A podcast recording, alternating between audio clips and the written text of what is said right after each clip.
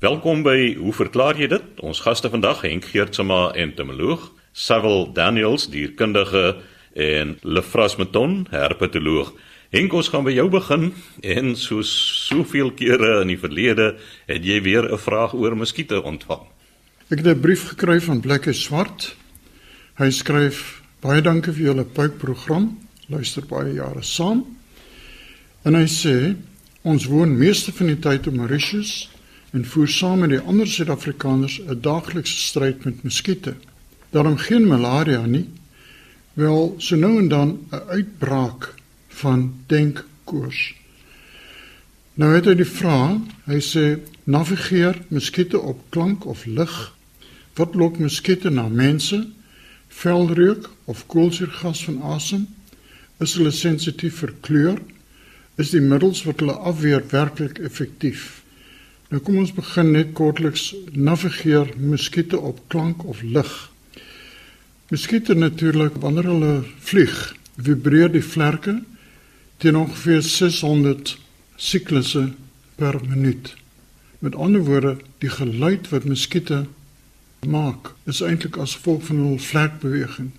Nou die vlerke van muskiete beweeg in 'n agtvormige die Engelse praat van 'n loop, eh, 'n lus, 'n afvormige lus. En natuurlik dit hang af van die hoek van die vlerk wat gemaak word. Byvoorbeeld, as die muskiet lang afstand vlieg, dan is die hoek van die vlerk ongeveer 45 grade negatief. Wanneer hulle moet breek, dan verander die hoek van die vlerk en die geluid wat nou veroorsaak word is van 'n baie hoër klankgehalte. Met ander woorde, jy die tipiese geluid van 'n muskiet na slaat jong. So hulle reageer op klank van weerskante. As daar byvoorbeeld twee muskiete is, dan vang hulle die vibrasies of die klank op van die ander muskiet en hulle ontwyk mekaar. So dit is die vraag op klank. Dan na lig. En die interessante ding is party muskiete is dagaktief, maar meeste muskiete is nagaktief. As mens byvoorbeeld in KwaZulu-Natal in die woude loop, word jy in die dag getakel deur hierdie pragtige swart-wit poot muskiete. Maar hulle is 'n plaag. Maar die meeste muskiete wat malaria dra, is eintlik nagaktief. Nou is die vraag verder, wat lok muskiete na mense? Velreuk of koolsuurgas van asem? Nou natuurlik, die velreuk en ek kom nou net daarop terug, is baie belangrik. En koolsuurgas is natuurlik ook 'n aanlokkingsmiddel omdat dit vir die muskiete aandui dat ons te doen met warmbloediges. Nou, hulle vras sit vir my en kyk, hy's nou herpetoloog, hy weet iets van paddas. Daar's natuurlik muskiete wat paddas ook lastig val. Ek was 'n keer in Grootvadersbos en ek het 'n arme padda in die riviertjie, die bedding sien sit op 'n klip en hy was werklik bedek met muskiete. Maar ek dink hy's redelik dikvellig want hy het nie baie daaraan gesteur nie. Is hulle sensitief vir kleur? Nee. Meeste muskiete, hulle behoort tot die vliee is sensitief vir kontras. Ek het nou die dag 'n interessante geval gehad by 'n groot plaas wat hulle noem 'n estate en die mense het baie vliee gehad in hulle eetlokaal. Hulle het 'n probleem daarmee. So ek was by die sogenaamde landgoed en ek het so kyk gegee in die eetsalon en volgens sê ek weet presies wat julle probleem is. Al julle stoele is swart-wit gestreep Die tafeldoeke is swart-wit gestreep, die gordyne is swart-wit gestreep. Dit mag nou wel modieus wees, maar vliee reageer veral op kontraskleure. So verander alles na een effe kleur en die muskietprobleem sal redelik of die vliegprobleem sal redelik afneem. Nou gaan ons terug na muskiete. Nou is die vraag is die middels wat hulle afweer werklik effektief? Nou, jy mens kry baie middels, byvoorbeeld die aerosolle van rustige slaap. Nou hulle bevat almal sintetiese pyrethroïdes. So byvoorbeeld soos metoflutrien. Metoflutrien is 'n baie effektiewe middel. Spuit die middel 2 sekonde in 'n kamer, 'n gemiddelde kamer en daar's geen muskiet wat oorbly nie. Dan kry mens natuurlik middels wat jy kan aansmeer. Mens kry die citronella olie, kersse en so aan. Maar dit gee eintlik net 'n lekker reuk in die kamer, maar dis nie werklike afweermiddel nie. Daar's 'n smeermiddel bevat pteelien. Nou die smeermiddel wat jy op die vel aansmeer is so olieagtige substans en dit smaak uiters bitter. Mens kan dit self probeer en as jy muskiet probeer voet op jou vel word die bitter smaak in die muskiet ingedra en die muskiet wyk. Daar's 'n onlangse proefskrif in Engeland wat dan die uitwerking of effek van Plasmodium parasietbesmetting op die profiel van die mens se geur of reuk het. Nou Plasmodium is natuurlik die parasiet wat malaria oordra. Nou reuk is in die algemene hoofstimulus vir insekte en op die manier vind hulle weg deur die wêreld. Baie wetenskaplikes bestudeer die wyse waarop bloedsuigende insekte die reuk van hulle gasheere of gasdames gebruik om hulle volgende bloedmaal te verkry. Die mens se reuk bestaan uit 'n mengsel van chemiese verbindings en sekere van die verbindings is baie belangrik in die proses vir die insekte om gasheere te vind. Sommige van die reukverbindings is baie hoogs aantreklik, ander weer hoogs afstootlik. Die begrip en ontsyfering van hierdie leidrade kan help om insekbyte te verhoed. Nou kom ons by die chemiese leidrade wat tydens die gasheersoektog gebruik word deur die malaria muskiete ondersoek deur 'n jong dame van die Instituut vir Tropiese Medisyne in Londen. Haar werk het dan gegaan met Plasmodium en die Anopheles muskiete wat natuurlik ook in Suid-Afrika voorkom en malaria oordra. Nou, die rede hoekom hierdie werk gedoen is, daar word ten minste 'n half miljoen mense sterf jaarliks aan malaria.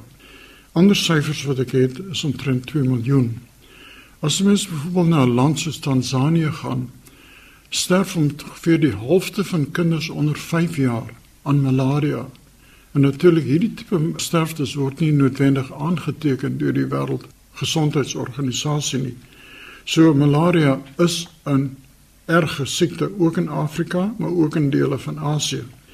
Nou dit blyk nou dat mense wat ly aan een of ander siekte, insluitende malaria, se reuk of reukprofiel word deur die siekte verander wat lei tot verder malaria aanvalle in die geval van mense wat malaria het.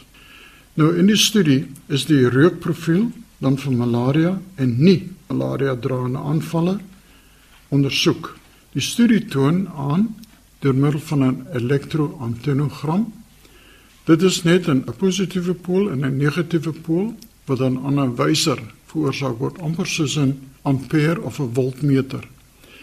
As 'n mens dan lug blaas en die lug bevat dan van die reuke van 'n malaria draande mens of nie, dan word die drade gekoppel aan die antenna van die betrokke insek. Ek het hierdie tipe werk gedoen op die Dennepougmot so met goeie ervaring. En sekere reuke dan veroorsaak dan 'n elektriese reaksie. Met ander woorde, die wyster wys hoog of laag of wat ook al en jy sien maar hier is 'n reaksie. En dan gaan die wetenskaplikes en dan ondersoek hulle presies wat bevat hierdie reuk wat hierdie reaksie by die insek veroorsaak. Nou verdere navorsing is gedoen op die invloed van mikroorganismes op die ontwikkeling van die malaria parasiet. Soos die luisteraars weet, die muskietlarwes voed in water, water veral wat stil staan stilstaande water lok groot klomp mikrobes. Nou wat hierdie wetenskaplikes ontdek het, dat die larwes van die muskiete neem tydens hulle voeding groot hoeveelhede mikrobes in. En wanneer die volwasse muskiet kyk natuurlik 'n muskiet gaan deur 'n eierstadium, 'n larwestadium, 'n papiestadium en 'n volwasse stadium. Maar wanneer die volwasse muskiet dan vlieg ryp is ons sê maar so en voedingsryp is, dan is daar van die mikrobes wat onder andere bakterieë en swamme kan wees wat die malaria parasiet binne in die muskiet takel. Met ander woorde, sekere malaria muskiete is nie baie effektiewe malaria parasietdraers nie. En dit is waar die navorsing deesdae heen beweeg, nommer 1, om dan 'n gunstige reukprofiel te vind wat afstootlik gaan wees vir die muskiete en miskien vir die mens natuurlik ook. En die tweede is die gebruik van mikrobes as 'n biologiese beheermaatreël teen die Plasmodium parasiet binne in die muskiet. Baie dankie Blikkie Swart vir 'n interessante vraag. So sê Henk Geertema, ons entomoloog. Nou, Sewel, jy het eintlik twee vrae ontvang. Die eerste een is: Hoekom sit voëls net op sekere damme? En dan is daar 'n uh, luisteraar wat nie krappe langs die Weskus opmerk nie. Doodreg, Chris. Ons het twee vrae van Carol Scott van um, Gordons Bay. Sy skryf dat wanneer sy langs die Weskus ry, sien sy gewoonlik voëls wat gekonsentreer is op sekere areas en nie in ander nie. Dis die eerste vraag. En dan in die tweede vraag wil sy graag weet hoekom daar nooit krappe is of sy sê sy sien nooit krappe langs die Weskus nie. Nou dit is baie moeilik om te sê hoekom daar voëls is wat op sekere damme is en nie op ander nie, want jy sê byvoorbeeld nie watter tipe voëls dit noodwendig is nie. Maar daar's onlangs 'n teorie wat ontwikkel is wat praat van hierdie swerm teorie wat nou ontstaan. Met ander woorde, die diere ongeag van die feit dat hulle nou nie 'n leier het nie beweeg soos 'n groep saam om dan 'n habitat te besit, sal ek nou sê. Maar ek dink uit 'n dierkundige perspektief die mees basiese rede is seker maar 'n groot hoeveelheid diere gaan in een area sit want dit is beter om 200 oë te hê wat kyk vir beskerming of vir predatore as om twee te kyk, twee diere te hê liewer wat geïsoleer is. So ek dink die groep dinamika by hierdie voëls is gewoonlik 'n beskermingsmeganisme om te help om op te tel of daar predatore in die omgewing is en dan potensieel mekaar daarteen te kan waarsku. Sevel ek het ook een keer gelees dat as daar voëls sit, sien nou op die grond op 'n grasperk of in die dam nou en ander voëls vlieg, die feit dat hulle sien daar is voëls daarna gee vir hulle 'n sein daar's kos en dan gaan hulle ook na na toe so miskien is dit ook 'n rede.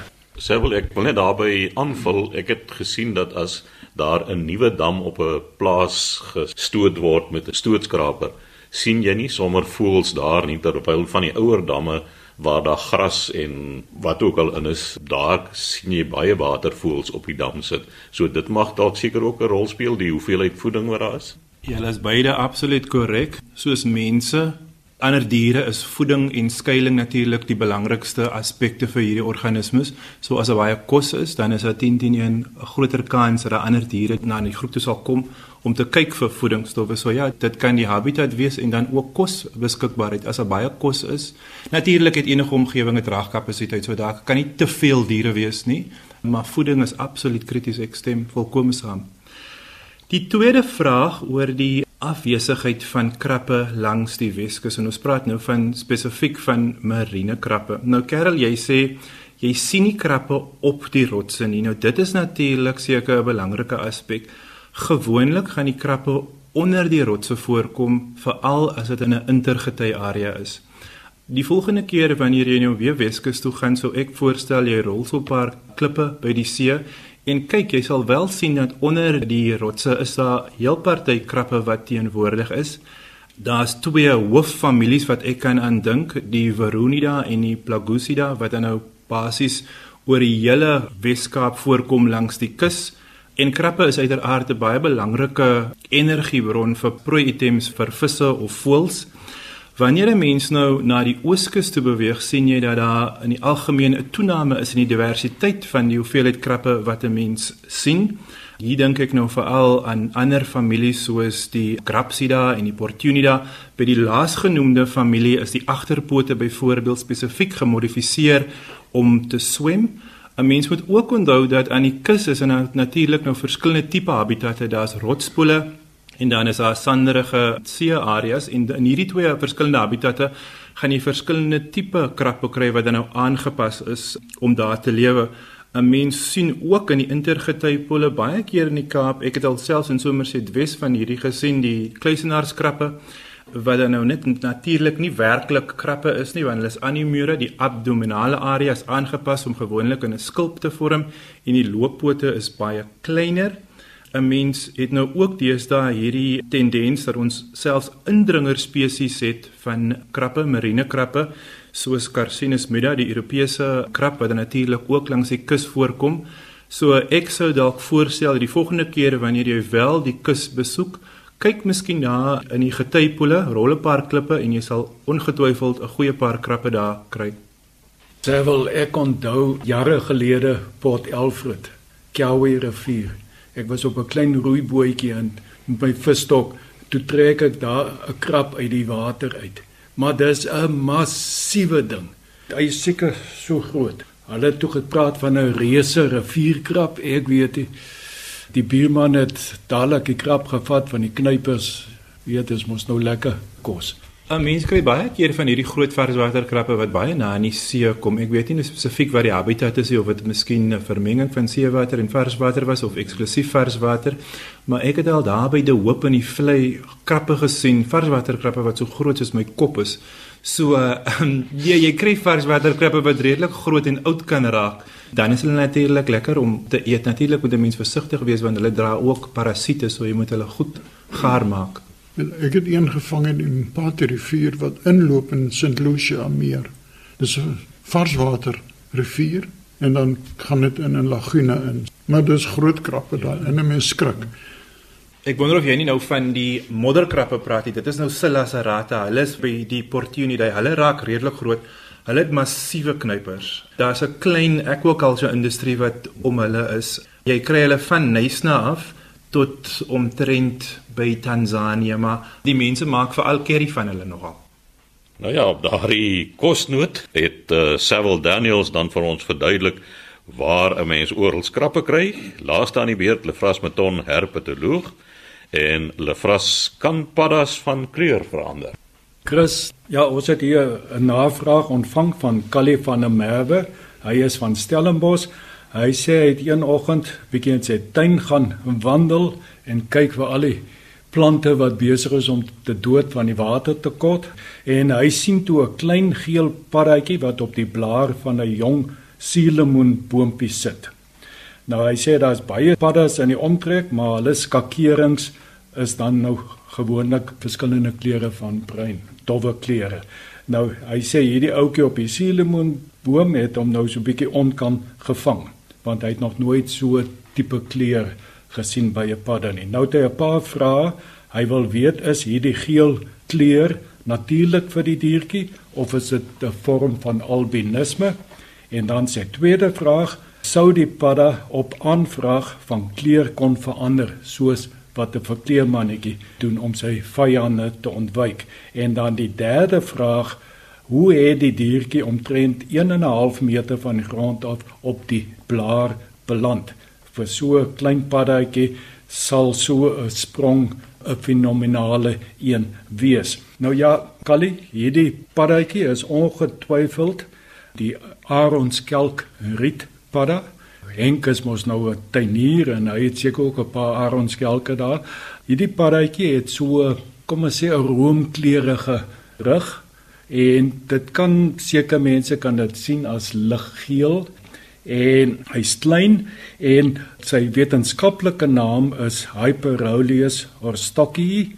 Nou hy is vernoem in 1837 is hy beskryf en hy's vernoem na Hubertus van Horstock wat 'n mediese dokter was. Dit is nou in die Kaapkolonie so 1826 tot 1834 was hy nou 'n dokter. En dit is interessant in die wetenskapwêreld hoeveel mediese praktisyns ook as 'n stokperdjie een of ander vorm van biologiese navorsing doen. Ek dink nou sommer onwillekeurig aan Robert Broom, 'n baie bekende paleontoloog. Hy was 'n mediese dokter Nou hierdie genus Hyperoleus sluit van die kleurvolste paddatjies in Suid-Afrika aan. En van hulle is werklik helde kleure. So ja, dit is waar soos Callie sê, die meeste paddas en seker ook maar akedisse en baie voëls ook het hierdie vaal kleure, maar in elke groep is daar ook helder kleurige forme. Nou hierdie genus van paddatjies is ook bekend dat hulle is almal klimpaddas. Hulle het aan die punte van hulle tone, kom ons sê dit maar heg kussentjies of suig, ek wil nie die woord suig gebruik nie, heg kussentjies en hulle is bedrewe klimmers en mens kry hulle baie dikwels in dan bo in in bome.